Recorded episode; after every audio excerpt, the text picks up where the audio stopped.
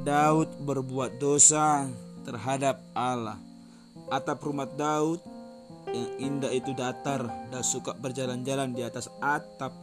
Ia dapat memandang ke kota di bawah. Ia dapat memandang jalan-jalan yang sibuk di bawah. Ia dapat melihat rumah-rumah orang lain. Satu sore, ia jalan-jalan di atap rumahnya dan dia memandang ke sebuah rumah kecil yang dekat di bawah. Di sana ia melihat seorang wanita cantik. Daud bertanya sama hambanya, siapa wanita itu? Hamba itu menjawab, itu Barseba Tuhan, istri Uria. Daud berkata, bawa dia kepadaku.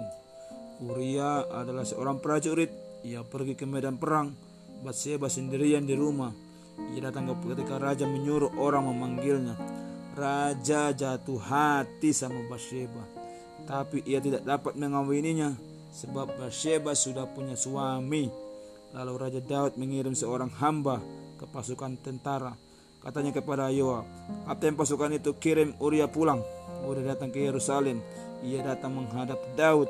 Raja bertanya samanya tentang perang. Kemudian raja menyuruhnya pulang kepada Bathsheba. Uria tidak ingin pulang. Dia katanya, prajurit-prajurit sedang bertempur. Aku tidak dapat pulang sementara mereka bertempur. Lalu Daud mengirim surat kepada Yoab. Ia memberikan surat itu kepada Uria dan menyuruh Uria kembali ke pasukan.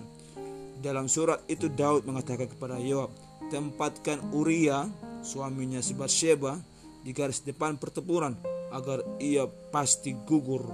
Uria membuat surat itu kepada Yoab, Yoab membacanya dan dia menempatkan Uria di garis depan pertempuran.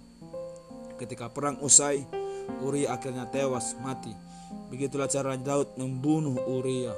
Bathsheba sedih ketika ia mendengar Uria gugur tapi setelah beberapa lama, Daud menyuruh memanggilnya Bathsheba menjadi istri Daud dan mereka memperoleh seorang anak laki-laki. Tetapi Allah tidak berkenan kepada Daud. Daud sudah berbuat dosa sama Allah. Amin.